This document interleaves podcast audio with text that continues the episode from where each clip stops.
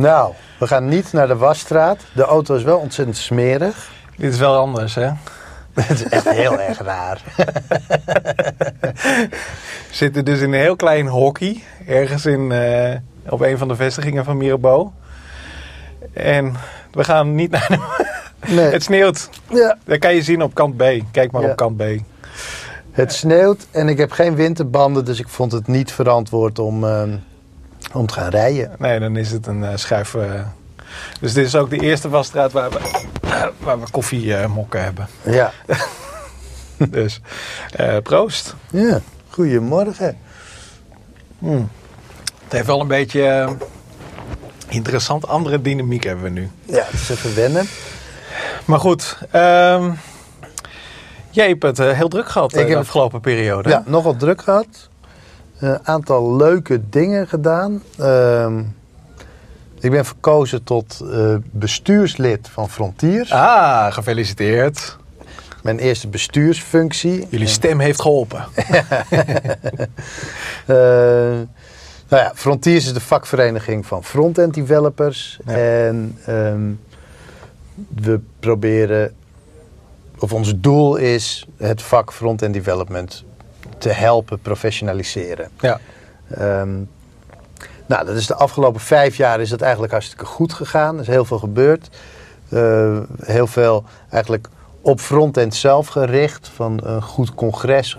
Extreem goed inhoudelijk congres eigenlijk. Heel veel bijeenkomsten voor frontend developers. Eh, allemaal activiteiten voor frontend developers. En waar ik me de komende tijd op wil richten. eh, vanuit dat bestuur. Dan moeten we even kijken of dat de rest van het bestuur er ook wel helemaal mee eens is. Dat Mhm. is om aansluiting te zoeken met andere vakgebieden. Ja, ja. Front-end development, dat is nogal specifiek vakgebied. En er zitten heel veel specialismen omheen Dus natuurlijk. designers, interactiedesigners, eh contentmakers, Developers. developers natuurlijk inderdaad. Echt, eh, nou ja, nog En wat probeer je te bereiken? Dat, eh, dat die connectie beter gemaakt wordt? Of dat we elkaar beter begrijpen? Of... Ja, nee, dat zijn, het, het doel is natuurlijk dat je elkaar beter begrijpt. Maar wat er ook is, ik heb gemerkt dat als je gaat samenwerken met andere specialisten, dat je. Er is heel veel. Die mensen hebben heel veel kennis waar je wat aan hebt. Ja. En als je niet met die mensen samenwerkt, dan kom je daar nooit achter. Dus, ehm, dus het is aan de ene kant is het bijvoorbeeld zenden van de kennis die front-end developers hebben. Een deel van die kennis moet gewoon bekend zijn bij de mensen om ons heen. Ja, en dat ja. is op dit moment niet zo. En andersom is het ook zo, een deel van de kennis die de mensen om ons heen hebben, die moeten wij weer hebben. Daar worden we gewoon beter van. Ja, precies ja. En dan heb je een heleboel mensen die dat vanuit het proces doen. Die zeggen van, eh, oh we gaan agile en we gaan een heleboel scrummen. Want dat betekent dat Ja. mensen in een hok zitten. En, Nou ja, kijk, dat is ook goed, gewoon samenwerken. Maar eh, niet iedereen zit in zo'n situatie. Nee. Dus het, het gaat om alle front-end developers. Dus een hoop mensen zitten, zijn bijvoorbeeld freelancer. Oh ja, en en die, die- werken heel vaak op, eh, in een eentje of, Ja, eh, of op huurbasis. Ja. Of, eh, Dus ik wil in heel veel... En er zijn heel veel andere vakverenigingen. Nou ja, kijken of we daarmee kunnen samenwerken. Alle initiatieven op dat punt zijn wat mij betreft welkom. Dan kan je gewoon contact met me opnemen als je zoiets hebt van... Hey, eh, ik heb een idee. ja, apenstaartje voor ziel is. Ja, ik ga er zelf natuurlijk niks aan doen, want ik ben bestuurslid. Nee, ik ga het mogelijk Oh, maken. sorry, eh, delegeren. delegeren. en Mogelijk maken. Ja.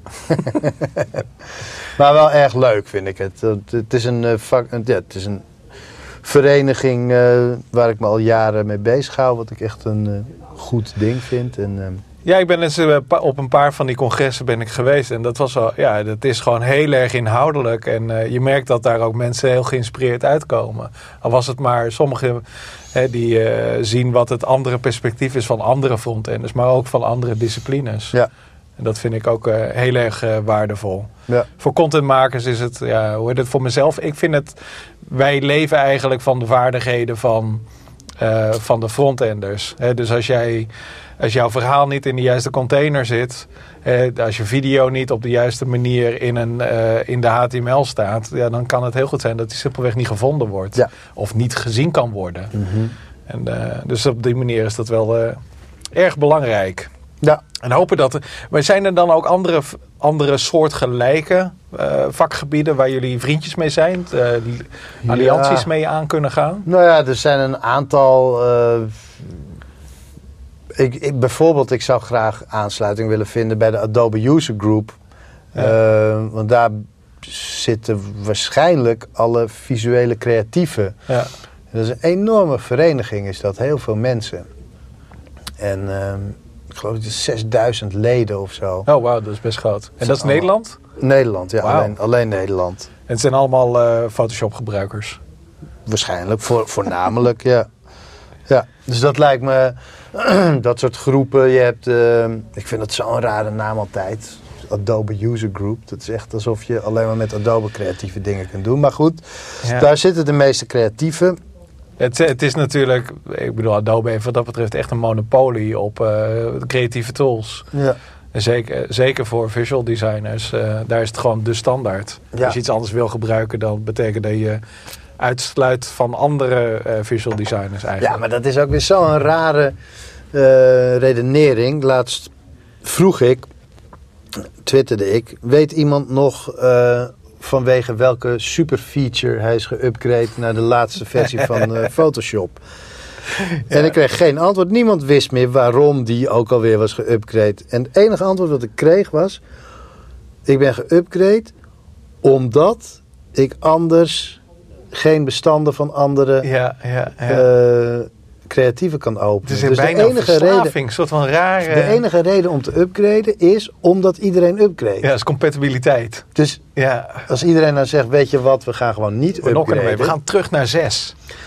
Is echt geen enkele reden om, om te upgraden. Ja. Want eh, Photoshop is niet beter geworden. Ik was jaren geleden ooit op een Adobe-congres. Dat was echt super interessant. Het was een, een echte Photoshop-kenner, briljant figuur... die nog helemaal uit de, eh, de tijd kwam van fotobewerking... voordat, je, eh, voordat Photoshop bestond. Dus die begreep hoe, hoe de, het klassieke...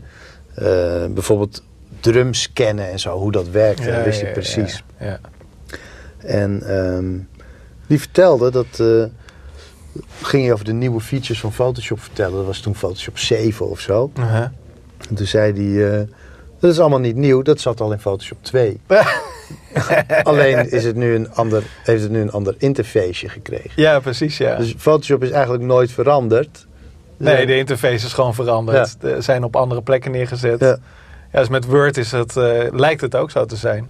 Overigens, voordat jullie allemaal gaan mailen, ongetwijfeld zijn er hele handige dingen veranderd. Maar Nou ja, ik ben wel benieuwd, ik, zeg ik, maar. Ik, ik, zie het eerlijk gezegd ook niet hoor. Ik, eh, Vertel maar wat er zo fantastisch is aan de nieuwe Photoshop. Want volgens niemand wist het meer. Want ik vind vooral de, de, hun businessmodel is zo. Ja, het is, het is zo zuur dat je dan inderdaad weer 800 euro moet uitgeven om compatible Ze te zijn nu blijven. nog erger geworden. Ze hebben nu een eh, maandelijks. Ze hebben nu de, je Oh ja, maandelijks, twee- wat is het, eh, drie tientjes of zo? Uh, vijftientjes. Vijf tientjes, eh, jongens. Dat gaat Dus nergens iemand, over. zei, iemand van Adobe die twitterde laatst van... eh, I think that's a steal. Zei tegen mij. Dat betekent dat het heel goedkoop is. Nou, het is helemaal niet goedkoop. Het is hartstikke veel geld. Ja. Dat 50 is, euro per maand, joh. Wauw, zoveel ben ik echt nog lang niet aan hosting kwijt. Wat veel dat belangrijker is alsnog is voor 600 mij. euro in het jaar. hè? Ja, dat is echt veel geld. Ja. In het jaar. Dus Ja. eh, je kan niet eens kiezen om niet up te graden. Ja. Je bent geld gewoon Elk kwijt. jaar 600 euro. Ja. Nou, Ja, en, eh, nou goed, als je kijkt naar tools en eh, zeker freelancers. Ik bedoel, je koopt één keer in de drie jaar koop je een laptop. en dat is, dat is al een hele uitgave. En dat je dan per jaar ook nog eens 600 euro. Nou, fijn. Goed, het, Het- is het- tijd voor alternatieven. vind Ja, absoluut, ja. En als je ook kijkt naar bijvoorbeeld de beginnen alternatieven te komen. Hè? Hm. Ehm, want bijvoorbeeld als je kijkt naar Office, Word. Mensen zeiden dat, ja, maar je hebt Word nodig. En dat is precies dezelfde reden. Hè? We moeten Ja. upgraden, want anders zijn onze documenten niet compatible. Ja, ik, ik, ik begrijp dat niet. Want de meeste mensen, zeker, al- zeker de mensen waarmee, waarmee ik werk, dat zijn copywriters.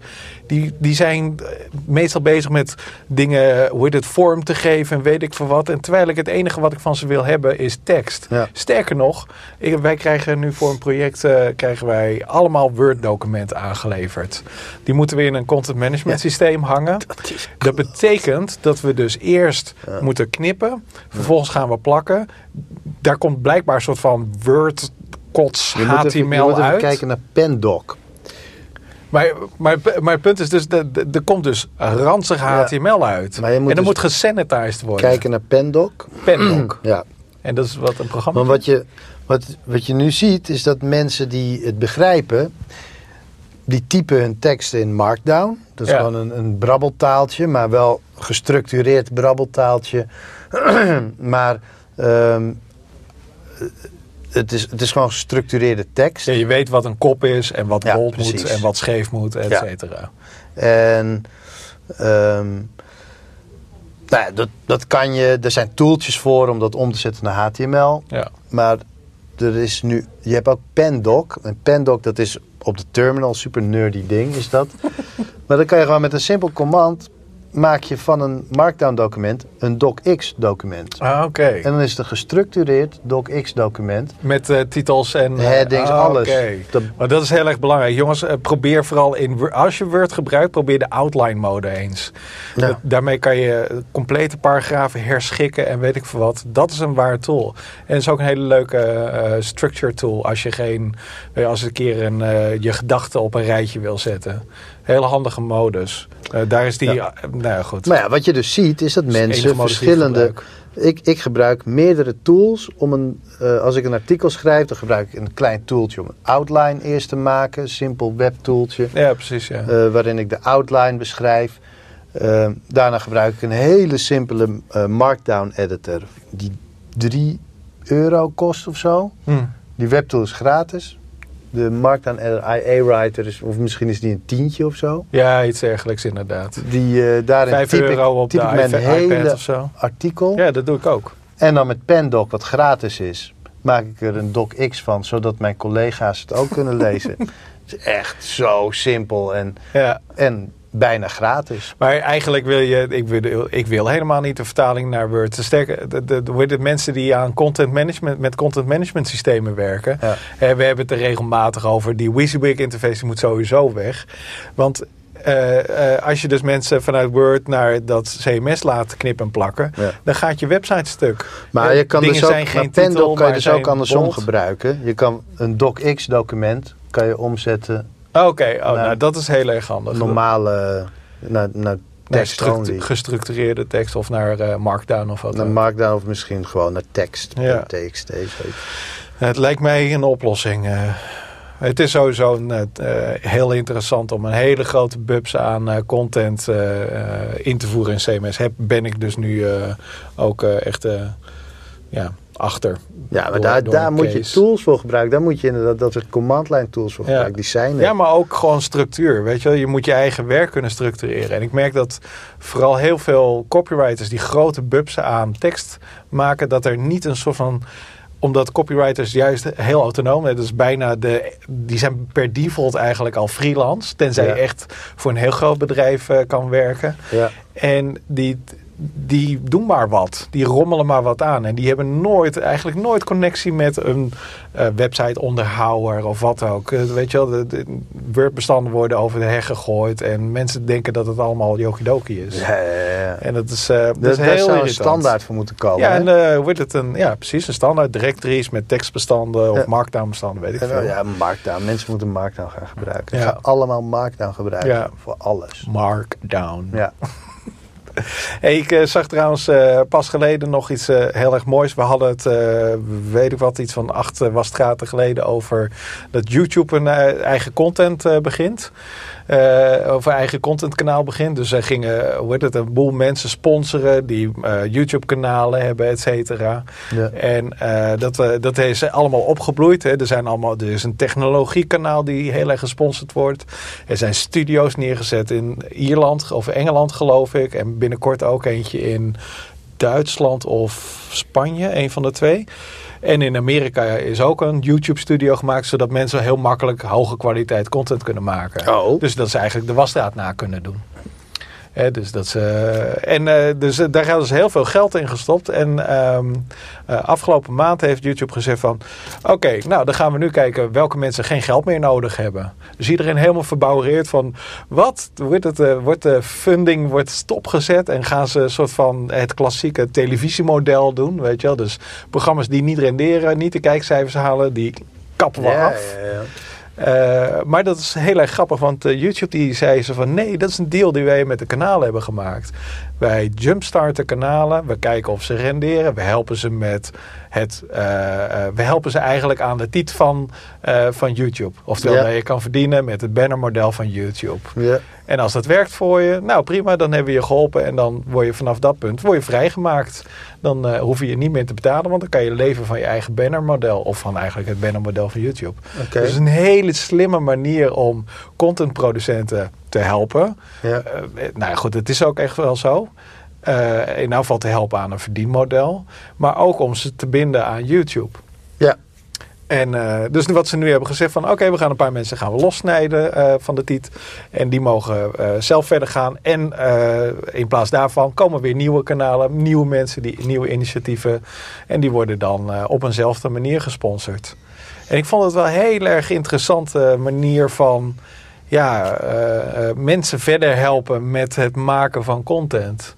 Een beetje eh, een soort van eh, ja, angel investors eh Eh, ja. achtig model. Maar Ja. ook een slimme manier om. Om toch mensen aan jouw platform te binden. Ja, precies. Ja, ja. Bijna sympathiek.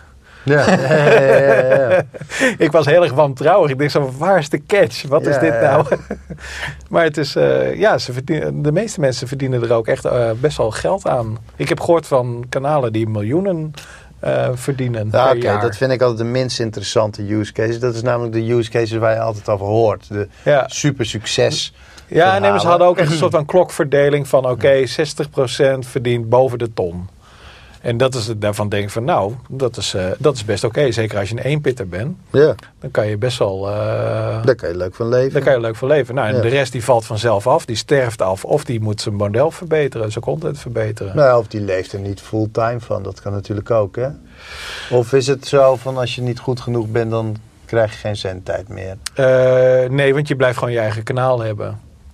Dus je bent, het enige wat wegvalt is sponsoring. Dus dat je eh, actief eh, ja, geld krijgt elke maand om je kanaal op te bouwen. En daar gaat het eigenlijk om. Het is echt kickstart geld. Ja, ja. Dus zorg ervoor Oké. dat eh, je krijgt tijd om zeg maar, Om publiek op te bouwen. niveau. Om Ja, ja. Rugbereid te geven. Maar het is ook een proeven van jouw vaardigheden. Dus Ja. je moet niet alleen videoproducent zijn. Maar je eh, moet bij wijze van spreken, als je het zelf niet kan... iemand eh, uitnodigen om jou helpen te promoten. Of Ja. om betere teksten te leren schrijven. Of wat ook. En dus eh, ja, ik vond het wel... ja, interessant eigenlijk. Want het is best wel een goede schop naar televisieland. Ja, nou ja, het klinkt inderdaad heel goed. Het is een interessant model inderdaad. Dat mensen helpen Ja. en tegelijkertijd ze afhankelijk maken van jouw, eh van jouw verdienmodel. Ja, goeie. Ja, en het is, eh, als je mij weet, is het ook eh, een soort van volgende iteratie van YouTube. Want ja, het, het, kan niet zijn, het kan niet zo zijn dat YouTube alleen maar kattenfilmpjes zijn. Ik bedoel, dat, dat is, daar zijn ze natuurlijk groot mee geworden van mensen die gewoon guitige situaties Ja. in het leven filmen en dat online gooien. Maar ja, er zit, er zit ook voor YouTube helemaal geen verdienmodel in. Dat is helemaal niet interessant voor ze. Nee. Eh, wat ze wilden is echt massa. En nu willen ze kwaliteit. En dat lijken ze nu ook echt te veroorzaken. Ja. Dus dat is wel, eh ja, dat zijn wel interessante dingen. Met, ik zit nu de laatste tijd wat met muziek. Eh, er zijn echt bizar veel, er staat bizar veel muziek op YouTube. Ook echt Ja. obscure liedjes. Daar hebben mensen gewoon, die zetten dan een hele obscure punkplaat, nummer voor nummer, zetten ze Oh, op. YouTube. En of gewoon met de hoes van de LP. Maar ook Oh, ja. hele oude platen, er staat van alles op. Je kan echt, dat, dat is best interessant eigenlijk. En, en- mag dat dan? Hoe dat? Worden ze Nou, dan niet teruggetrokken of wat? Wat, wat, er, nu, wat er gebeurde was dat eh, rechthebbenden, nou ja, dat zijn dan platenmaatschappijen, Ja. die stuurden dan altijd van deze film moet eraf, boep, en dan werd hij eraf gehaald. Hm. Wat er nu is veranderd is, ze hebben gezegd dat kan. Je kan zeggen deze video moet verwijderd worden. Ja. Als ze recht hebben, dan kan je dat zeggen. Maar je kan ook een linkje naar Amazon en iTunes Oh, ja. erbij laten Ja. zetten. Ja. Dat je het nummer Ja, dat zie ik ook wel eens met onze video's gebeuren. Oké. Ja, of tenminste niet met de wasstraatvideo's, maar vroeger wel bij kant B. Oké, ik had één keer een gelicenseerd muziekje erbij gezet. was er van, nou, eh, deze is in Duitsland niet te bekijken, want daar zijn ze een beetje fuzzy daarover. Maar de rest van de wereld die krijgt een banner te zien. Ja, ja, precies. Of je krijgt dus of je krijgt een advertentie van 15 eh, seconden of nee. Nou ja, ik weet niet hoe. Ja, hoe dan ook, er wordt geld verdiend eh, op een of andere Dus manier. een van die twee of Ja. allebei kan. Ja. En eh, dat, is, dat is wel interessant. Het gaat in heel veel, dat is minder slecht dan dat domweg verbieden. Ik heb dat nooit begrepen. Nee. Sowieso. Ik weet nog dat tien jaar geleden of zo. Toen wilde ik een clipje zien van Destiny's Child. En Oké. dus ik dacht, destiny'schild.com. Daar staat vast het laatste clipje op. Ja. Alleen een teaser van het clipje stond daarop. Oh, wat? En ik zei, waarom? Maar dat is toch hun promotiemateriaal? Ja. Dat Ja. is toch raar? Dat is net zoiets als eh, Ja. zeggen van... Ja, je mag maar 10 seconden van onze Adrie Ja. zien. Ja, ja, ja precies. Wat? waarom mag ik dat hele liedje niet zien? Echt die... Nou ja, goed, toen begrepen ze er helemaal niks van. Ze beginnen Nee. langzaam aan beginnen ze het een beetje te begrijpen. Ja. Ja. Ja, in Amerika zitten ze daar ook mee. Hè? Want in Amerika zijn ze... ja, eh, iedereen die is, eh, eh, is nu inmiddels wel hoekt aan streaming audio. Je hebt, nou, wij hebben Spotify, waar, waar we in Europa helemaal verknocht aan zijn.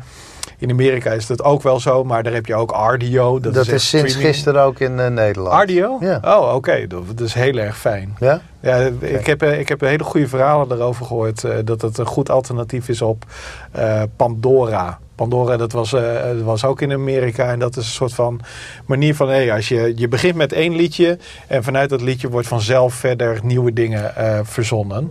En Ardio is meer op kanaalbasis. Hè? Dus mensen die gecureerde muziekkanalen voor jou bouwen... en dat, eh, dat weten af te spelen. Oké. Maar ehm, het punt was, eh, die eh, mensen die verdienen helemaal geen zak. Dus eh, die eh, makers van Ardio en Pandora en eh, Spotify... die verdienen helemaal niks met, met hun bedrijf... als ze niet enorm knijter groot worden. Want die licentiekosten van het spelen van muziek... dat is extreem hoog. Dus je kijkt naar eh, hoeveel, hoe, eh, hoeveel mensen op de dus radiomakers betalen. Ja. Daar is nog een beetje de afspraak van vroeger. Van oké, jullie eh, spelen onze plaatjes. En dat betekent dat wij ook fysiek cd's of vinyl kopen.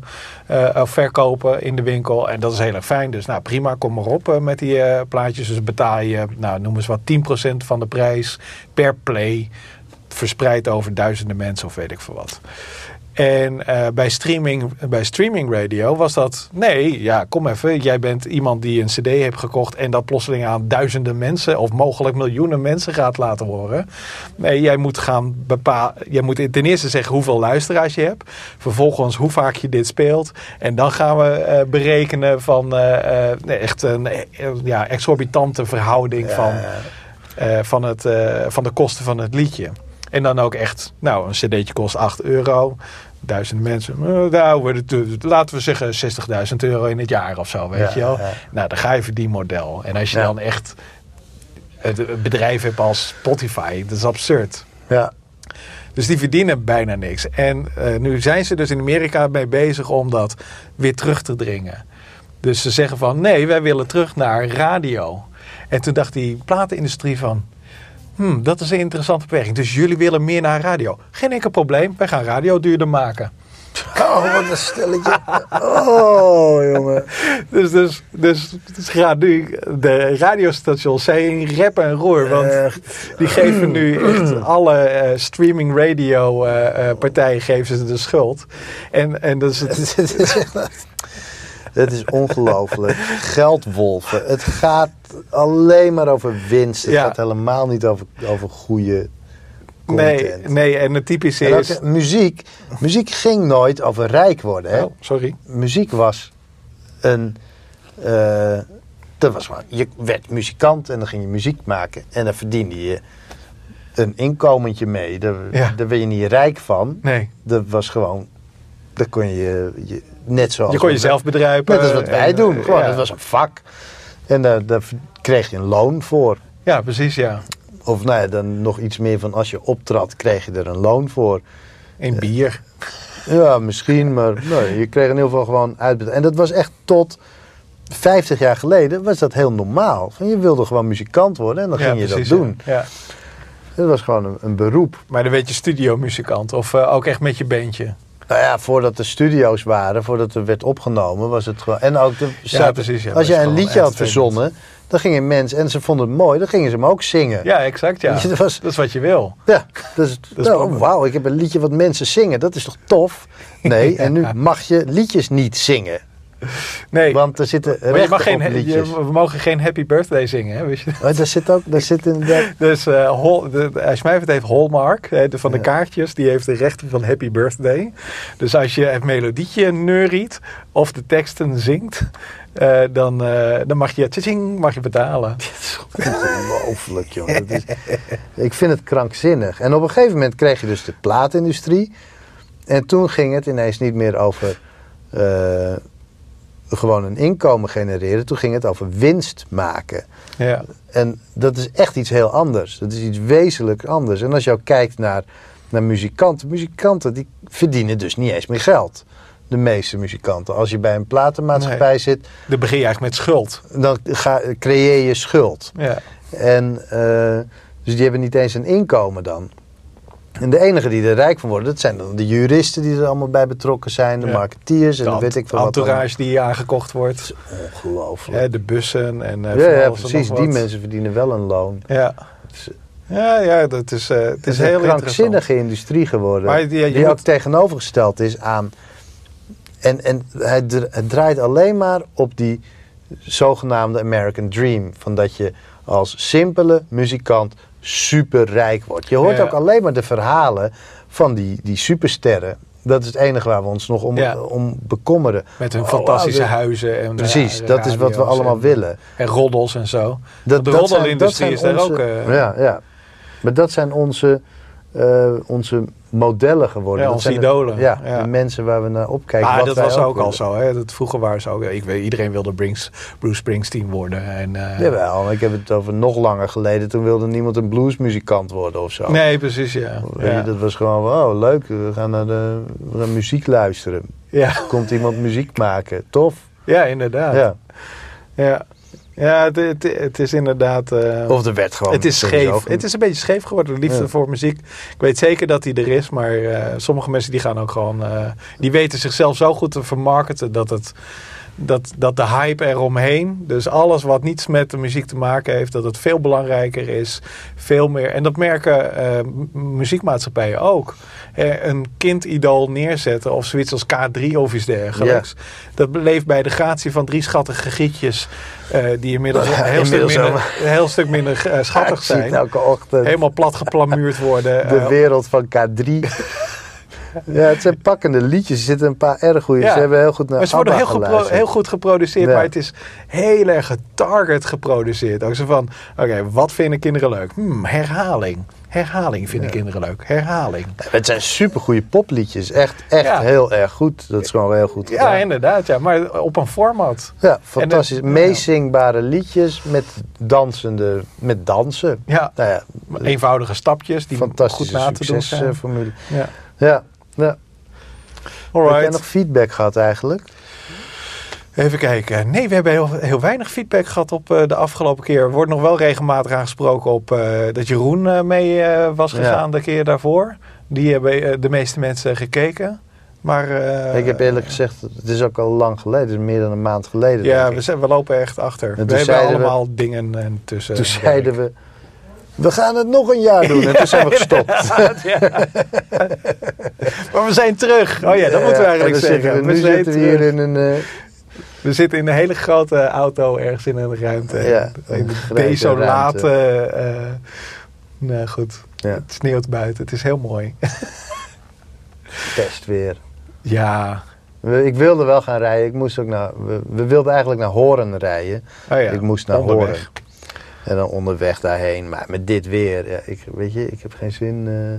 Nee, weet het, ik eh, voor dit weet lig je zijwaarts. En dan Ja, is het ook... eh, En ik heb geen winterbanden en ik remde en toen reed hij door. Oh. Dus echt raar is dat. En dan stuurt doet het dan niet. Eh, ja, nee, dat wil je echt niet. Nee, nee. Zeker niet als je ondertussen ook nog een nuttig gesprek wil worden. En dan hoeren. helemaal met witte knuisjes aan het autorijden bent. En dan doe je er ook twee uur over om in Horen te komen. Oh ja. En dan kan ik Ja, ik dacht terug. ook zo van, nou, ik ga eventjes naar, eh, naar de locatie en dan, uh, damn it, dan eh, iedereen die zegt van, oh jee, sneeuwvlokjes. Iedereen in, in dat blik van, Oh, ja, van ja, ja. de metro gepropt worden en dat soort dingen. Ja, is niet, is niet leuk. Maar eh, het is, nee maar het, het- in principe, het loopt wel lekker. We, hoe het als, in elk geval als het even niet werkt, dan krijgen we wel feedback van, eh hey, eh, de website werkt niet. Heb je daar trouwens nog iets over gehoord? Over Nee. onze super scalable en mooi vormgegeven website? Ehm, Responsive. nou ja, de, eigenlijk was de re- enige reactie die ik echt heb gekregen... was dat ik te ver was gegaan met de layout. Dus Ja. mensen vonden het... Ik had een... eh, de tekst lijnt helemaal rechts uit. En Ja, mensen ja. vonden dat... Dat was net iets te veel van ja, het dus goede. je hebt 50% witte ruimte aan de linkerkant... en dan 50% tekst aan de rechterkant. ja. De mensen vonden dat te veel. Ja, theoretisch vind ik het dus een heel goed idee, maar... Hey, ben- we, we blijven eraan doorklooien. dus eh, we kijken gewoon wat, wat goed werkt. Het is in ieder geval... Ik vind dat het, het is gebaseerd op een theorietje die ik heb en die werkt, vind ik, die werkt daarin heel aardig. Is dat de, de grid-theorie? Of, dat, eh, de responsive grid theorie gebaseerd op typografie. Oh, dat ja, ja, ja. inderdaad de typografie als basis neemt, als, eh, dat je aan de hand van de typografie bepaalt wanneer de layout verandert in een responsive Ja, design. Ah. Dat slaat best wel ergens op. Ja, Ja. Dat is ook iets. Ik heb de laatste tijd heb ik eh, eh, presentaties gehouden op congressen. Eh, oké. Dus ik heb eh, Je bent, bent in Cambridge geweest, toch? vorige week in Cambridge voor een eh, op UX Cambridge, een, een congres voor user experience experts. Dat was klinkt- erg leuk. Dat klinkt spannend. Ja. inderdaad. Dat was een klein congresje. Eh, dat was echt, echt heel erg leuk. Grappig om, om eens tussen allemaal eh, UX'ers te zitten. in En waren dat internationale UX'ers of was Nou, dat heel erg local? Engels. Vooral Engels. Ah, Oké, oké. Ook wel uit de buurt van, eh, van Cambridge. Hm. Vooral, nou ja, goed, dat is nogal in het, cent, in het midden van Engeland. Dus dat was, er kwamen, waren, nee, het was erg leuk eigenlijk. Het was echt leuk om daar te zijn. Mijn eh, verhaal werd daar heel goed ontvangen. Nice. Heel positief. Ik kreeg een feedback voor me. Het was echt, Ja, ik zag ze inderdaad langskomen. het was echt, echt heel eh, positief. Het, was ook een, het is een aardig verhaal over nieuwe uitgangspunten in, eh, in webdesign. Dus de oude uitgangspunten die we hebben, bijvoorbeeld interactie, maken we altijd met het idee dat iedereen een muis heeft. Ja, Dus heel veel dingen worden getoond als je er met je muis overheen gaat, zoals menus en Ja. dat soort dingen. Maar ook hele belangrijke content wordt vaak gewoon achter eh mouse over wordt dat verborgen. ja. Want er is, er is eigenlijk geen... eh, Sorry dat ik je onderbreek, maar er is eigenlijk... Voor de muis is het een manier om even te ontdekken waar alle interactie op een pagina staat. Ja. Maar dat soort visual, visuele hints, die bestaan eigenlijk niet voor Nou ja, kijk, met en een, muis dingen, heb toch? je, met een muis heb je dus minder visuele hints nodig, is het idee. Omdat mensen wel met hun muis eroverheen gaan. Ja, precies. Ja. En dan zie je dat de kleur je- verandert of wat ook. Met touch heb je visuele hints nodig. Ja, Dus dan moet je dingen duidelijker vormgeven. Eh, en ook minder verbergen, omdat die visuele hints nu eenmaal niet altijd duidelijk zijn. Dus je moet echt je moet daar heel goed over nadenken, over hoe je... Je moet er veel beter over nadenken. Dus dat was ook een van mijn verhalen. Van, begin nou met touch. ja, Zorg ervoor dat je... eh, dat dat lekker werkt. ja, en als het Hmm. op touch perfect werkt, dan werkt het waarschijnlijk ook wel goed met de muis. Ja, precies. Ja. En dan hoef je misschien alleen nog maar kleine dingetjes te optimaliseren voor de muis, als je dat wil. En dan, Dan eh, kan je het enhancen ja. voor de. Dus een beetje eh, eh, het achterwaarts denken, eigenlijk, eh, zouden we nu zeggen. ja. Van, je maakt het eigenlijk voor de desktop en dan zo, oh, we gaan het nu mobile maken, maar je werkt de andere kant andere op. kant op. Dus dat is eigenlijk. Omdat het is makkelijker is? Of? het is makkelijker en het is logischer. Het is makkelijker in die zin van als je bij touch begint. Dat is misschien wel moeilijker om Mhm. de interactie te maken. Maar als je dat eenmaal hebt, dan werkt het overal. Oh ja. Als je met een muis begint en je hebt iets gemaakt wat op de muis werkt, dan is het ineens heel moeilijk om dat te laten werken op touch. ja, precies. Ja. Vanwege Dus- die visuele ja. hints en Dus de dikke dat vingers. is een beetje, als je andersom werkt, Ja, dus dit is een logischer beginpunt, is touch. ja. Omdat je dan, kan je een laagje toevoegen en dat is dan muis. Ja. En als je begint met muis, dan moet je laagjes eraf halen en dat is veel moeilijker. ja, precies. Ja. Dus dat is, dan werk je andersom. Hmm. Dus een, dat is een logisch uitgangspunt. En de, er zijn een aantal meer. Ik hou dit eh, verhaal maandag nog een keer. Dan, dat was afgelopen maandag als jullie hier naar kijken. oh, je is op Inspire, toch? Inspire Conference in, eh, in Leiden. Dat is een, Ik kan er meer, helaas niet bij zijn. meer een designcongres. Dus dat is ook wel leuk. Ik heb hem afgelopen maandag gehouden in eh, Amsterdam op Kings of Code. Daar ging het iets minder goed. Oh, Ehm, dat kwam omdat ik hem. Het ging zo lekker in Cambridge. En toen dacht ik, oh, dat doe ik wel even.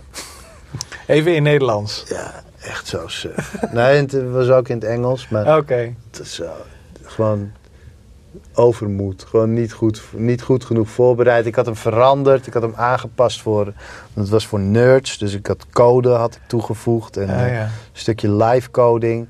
Maar ik had het gewoon niet goed genoeg geoefend. Niet, Ja, ja, ja. Terwijl die voor Cambridge, die had ik echt gewoon, die zat heel Die goed zat heel in goed mijn in, hoofd. precies, dus die, ja.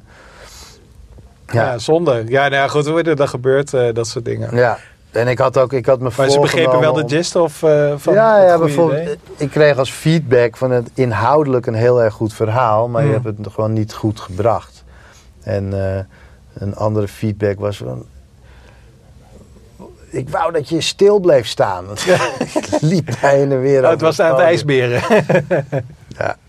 ja, maar dat is een stijl. Ik bedoel, eh, er maar zijn- zat sprekers die inderdaad ook ijsberen. Ik wil wel, maar dan moet je.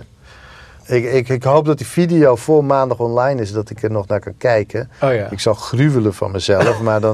Ik vind het altijd heel erg om naar mezelf te kijken. Ja, ja, dat heb ik ook wel. Maar dan. ehm, En toch maken we deze eh, video. ja, maar ik kijk dus zelf Ja. niet, hè? Nee, Dat ja, is- nee, maar ik moet kijken. Ik Ja, kan dit helaas niet blind eh, editen. nee, nee. Dus, eh, maar goed. eh, hey, ik, ik, heb nog, eh, ik heb nog een interessante vraag voor je. Of Ja. tenminste, vind, natuurlijk, dat is mijn vraag. Dus ik Ja. vind hem super interessant. Ja. Ga jij wel eens in de archieven van websites grasduinen? Nou ja, ik ga nooit doorklikken naar oude bestanden. Oude meuk. Of- Maar ik, ik kom wel regelmatig op, op oude pagina's. Bijvoorbeeld als ik iets specifiek zoek. Ja. Een specifiek antwoord op een specifieke vraag. Nee, er via Google in terechtkomt. Via zoekmachines. Of ik heb een eigen archief van alle eh, websites die ooit op de Daily Nerd zijn verschenen. Mhm. En die doorzoek ik en dan kom ik regelmatig kom ik op eh, hele oude pagina's. Ja, precies. Ja, maar dat is eigenlijk meer je eigen geheugen dan, eh, dan dat van andere websites. Mijn, punt is namelijk, eh, wij, zijn, wij zijn een heleboel, we maken een heleboel websites voor mensen. En een van de veel terugkerende features is het archief. En ik begin hoe langer hoe meer hekel te krijgen aan dat concept. Want ik zie dat meer als zo van, ja, dat is de kelder. En daar staan grote dozen, nondescript dozen zonder labeltjes. En daarin zitten de verhalen van vroeger. Ja, ja, En dat zijn de verhalen die we hebben geschreven. En die zijn, eh, nou, op een of andere manier moeten die dan nog waarde hebben of zo. Ja, En- ja, het en- is interessant. Want en het, het, begint hebt- me steeds meer te steken van... ja, als je mij wat is het niet meer waardevol. Althans, stel je voor dat het waardevol is... zet het dan ook... Dan, presenteer het dan als zo van... hé, hey, moet je kijken. De, bijvoorbeeld sommige websites doen zo van... een eh, dag uit twe- 2006. Weet je wel? En dan de berichtjes uit 2006. Ja. Omdat het grappig is. Zo van, haha, weet je nog, toen waren we met de, Tamagotchi bezig. Of Ja. weet ik veel wat. En, maar, Maar je hebt daar een aantal stromingen in. Hè? Je hebt de, de, de stroming die zegt van alles moet blijven bestaan. ja, Dus ar- archiveren, dus archive.org bijvoorbeeld, eh, eh, ja, eh, die, die probeert het internet te archiveren. ja. Of het web. Archiveert ons ook. Ja. En ehm, de, ik vind dat een heel interessante stroming. Ik ben kom zelf uit een familie van, eh, van historici. Mhm. Dus ja, die willen, je wil kunnen zien hoe iets was. Ik vind het ook interessant om bijvoorbeeld te, te vertellen over hoe dingen vijf jaar geleden, hoe het web vijf jaar geleden was. Het is onherkenbaar veranderd. Ja, ja, Echt precies. heel anders. Ja. Aan de andere kant is het hetzelfde gebleven, want het is het web, maar de manier waarop we ermee omgaan, dat is echt heel erg veranderd. Ja. Dat is interessant. Dus Maar dat is, data van is dat- vijf jaar geleden vind ik zeker interessant. Dus ik zou archieven niet weggooien. Wat je wel kan doen, en wat ik dus steeds vaker zie, is zeker in mijn vakgebied, is dat mensen die hun eigen website serieus nemen, die zetten een waarschuwing voor oude berichten. Mhm. Boven oude berichten. Dus niet alleen de datum, maar die zetten erbij van dit artikel is meer dan twee jaar oud. Het zou kunnen dat de informatie niet meer up-to-date ja, is. dat de actualiteit... eh, Dus dat is een simpele manier eh, om ja. in plaats van je content de hele tijd te updaten, om in ieder geval te waarschuwen van let op, er zijn wellicht betere manieren ja. Om dit tegenwoordig ja, want dat zeggen mensen ook. Zo van, oh ja, nee, dan moet ik het up-to-date houden. En eh, hoe zorgen we er dan voor dat het eh, niet fout is? Nou, het is lastig hoor. Er was een presentatie op Kings of Code van een jongen eh, die heel succesvol was ineens in de open source wereld. Die had een, Mhm. een aantal open source producten gemaakt. Daar was hij super succesvol in. En toen werd, dan worden ineens dingen van je verwacht. Ja. Dus er worden bijvoorbeeld, die software wordt gebruikt. Ja, Hij had iets ja, gemaakt, dat wordt gebruikt en dan komen bug reports uit. Ja. Zij zat gewoon fulltime, zat hij die bugs op te lossen. Ja, ja, ja. En de eerste maand is dat super tof, want je hebt heel veel aandacht en eh, fantastisch. Mensen die ook helpen en weet ik wat. Maar op een gegeven moment wordt het zwaar en wordt het niet meer tof. En Nee. wil je dat niet meer. Ja. En dat was een, was een aardig verhaal. Er was ook een Frontiers, was ook een jongen die een soortgelijk verhaal hield. Van ja, wat, wat, hoe moet je daarmee omgaan? Die jongen bij Frontiers had ervoor gekozen om zijn product eh, tegen, of, tegen betaling aan te bieden. Mhm. Nou, is dat, dat conflicteert niet. Hè? Open source kan je gewoon geld voor vragen. ja, precies. Ja. Ehm, Ja, dus op Dus die die- manier zegt hij eigenlijk van, nou, de pijn die ik nu leid van het onderhouden van dit product wil ik voor vergoed worden. als ik geld krijg, dan kan ik, ik, ervoor... of ik steek er tijd in Precies. en dat, Ja. anders zou ik daar geld mee verdienen. Ja, precies. ja. Dus dat was een... Ja. Ehm, maar wat hij ook zei, dat, nu een aantal mensen, die hebben er zo'n genoeg van, die gooien gewoon hele projecten gooien ze weg. Ja. En daar wordt dus ook weer kwaad op gereageerd. Maar er was dus ook... Maar een- gooi ze weg als in dat ze Ja, ze deleten? deleten hun, eh, hun, hun repository. Ja. Ah, ja. Gewoon puur van, eh, nou, dit, eh, dit Ja. was leuk. eh, Ja. Er zijn meerdere voorbeelden van, van mensen die inderdaad... Maar kan je dan niet je, gewoon jezelf losknippen ervan en zeggen van, nou jongens, als je er iets mee wil, go ahead. Kijk, wat daar het, het, het enge van is, is dat mensen er dan een, een kloot product van kunnen maken. En jouw naam is daar nog steeds aan verbonden. Precies, ja. Dus daar zijn ook weer voorbeelden van. Er was bijvoorbeeld laatst dat een, er was een man die had een fantastische, een fantastisch boek geschreven over HTML5. Mhm. En eh, had hij gewoon online gezet, kon je, kon je raadplegen. ja. En die had er van de ene op de andere dag, zonder aankondiging, had hij er genoeg van. En had hij zijn site weggegooid. Alles, alles, alles weg. Oh. Hij was niet meer online. Ja. En, Hij eh, kon niet meer betalen of wat ook. Nee, hij had er gewoon geen zin meer in. Oké. Maar Hm. hij wilde niet meer in, die, in dat wereldje zitten. Ik weet niet precies wat, eh, wat, precies was. Ja, doet er niet zoveel Ja, zin nee. toe. Hij wilde gewoon niet meer. Dus die hele site was weg. Maar het was een belangrijke resource. Mensen gebruikten hem. Ja, precies, ja. Gelukkig waren er, eh, wat, hebben mensen hem uit de cache weten te vissen. Of mensen hadden hem lokaal staan. Dus die hebben er een GitHub repository van gemaakt.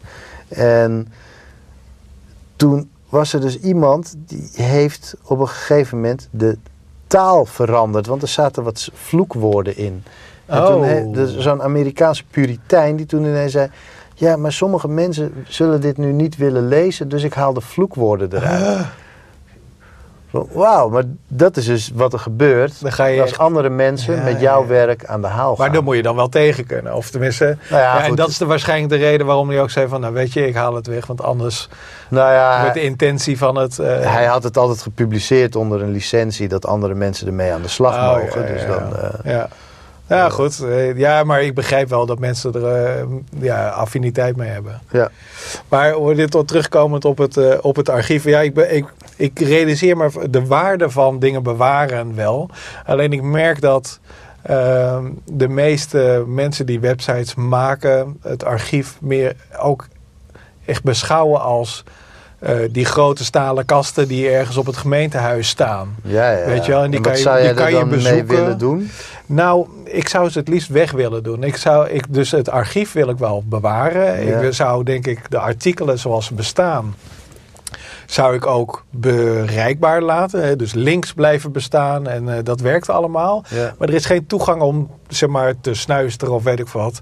Want dat moet ge- sommige mensen die, eh, die hebben bijvoorbeeld die hebben een website en eh, daar, die hebben een duidelijke focus. Bijvoorbeeld bepaalde informatie aanbieden of een nieuwsvoorziening eh, hebben ze of iets dergelijks.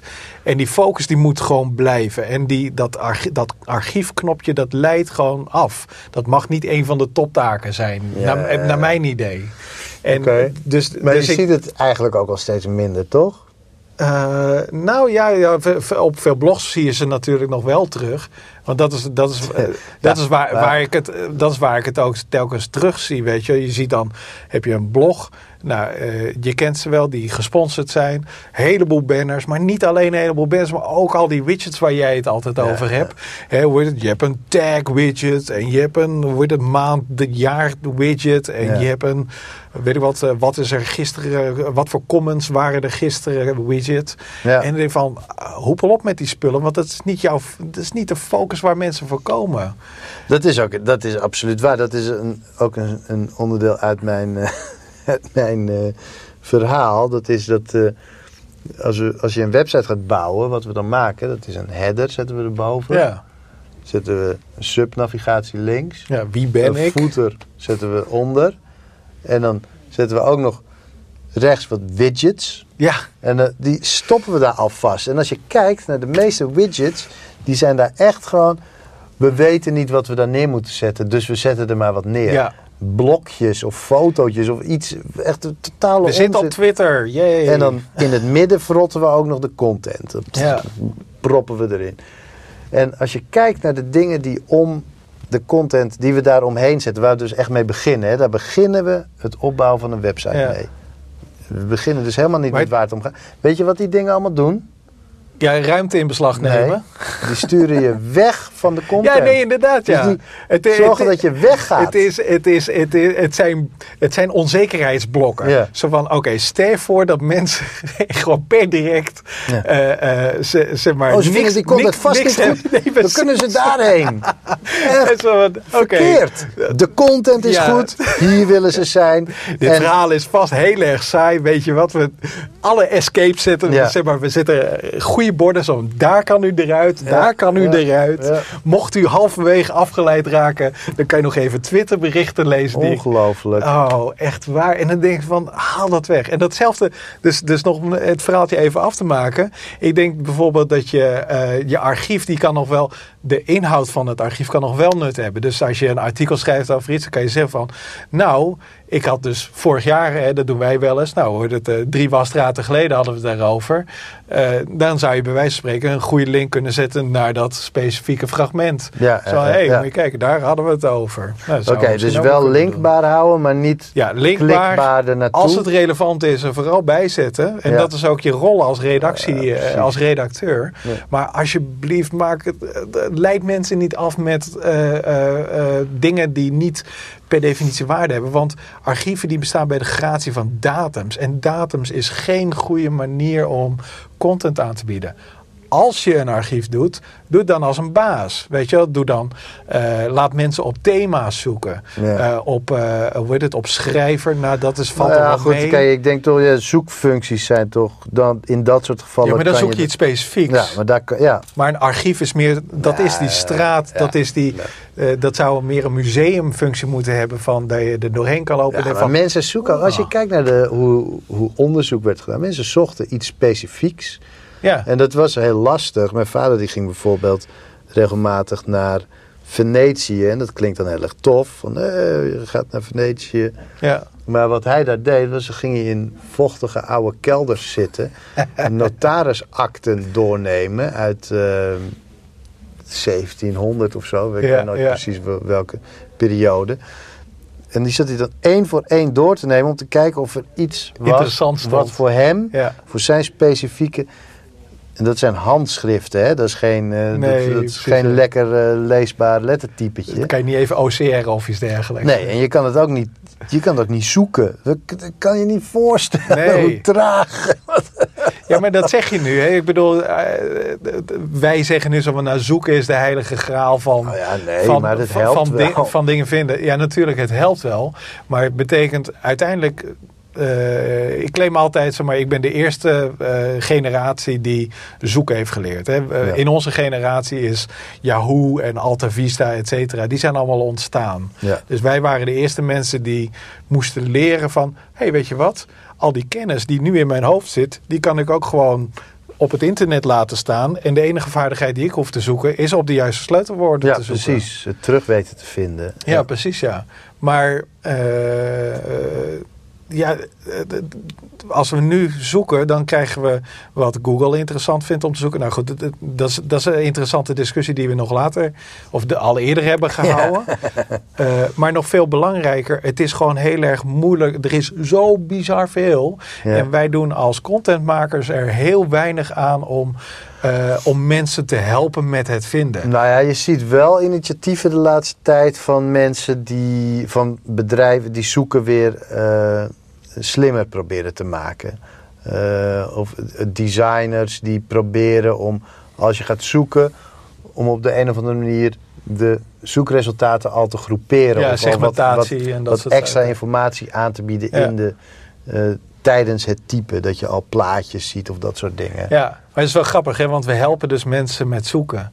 Terwijl je eigenlijk, je, je zou eigenlijk moeten kunnen zeggen van, er moet een soort van logische route zijn naar een artikel. En niet deze van eh, iets met hamsters. En dat je gelijk er zijn twee manieren. analogie, er zijn, er zijn mensen net zoals met je- analogieën over hamsters Je krijgt. hebt te mensen zien. die heel visueel zijn ingesteld, dus die onthouden eh, nieuwe informatie als Ja. er plaatjes erbij zien. En je hebt mensen die heel textueel zijn ingesteld, die onthouden dingen als ze erover lezen. Ja, Dat zijn twee verschillende manieren. Net zoals dat je, je hebt dus mensen die via logische stappen eh, ergens komen, dus die graag een navigatie volgen. En Mhm. je hebt mensen die liever zoeken.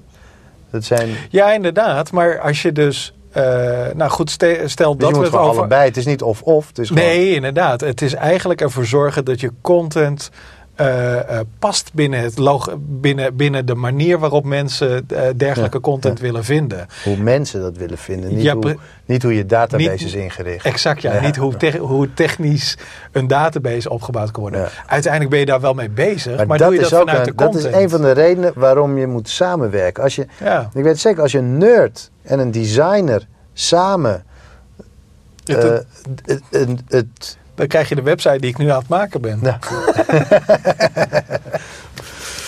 Wat eh, dacht je ervan? Zullen we eh, hiermee Ja, afsluiten? we zijn, we zijn bijna aangekomen, geloof ik. Ja, hè? we moeten even achteruit rijden en eh, wat rare piep inparkeren. kraakgeluiden maken. Ik stel voor dat we even uit beeld lopen. Zodat we dan een, hebben een grayscreen. En dan kunnen we daar iets op projecteren. Oh, ja, precies, ja. Nou, waarschijnlijk speelt het hier al een beetje. Oh, nu was mijn hand erachter. Ja. dus, Maar, eh, eh, dus we staan we even uit beeld op, dan kunnen we dat doen. ja, precies, ja. Jongens, tot ziens. Tot ziens.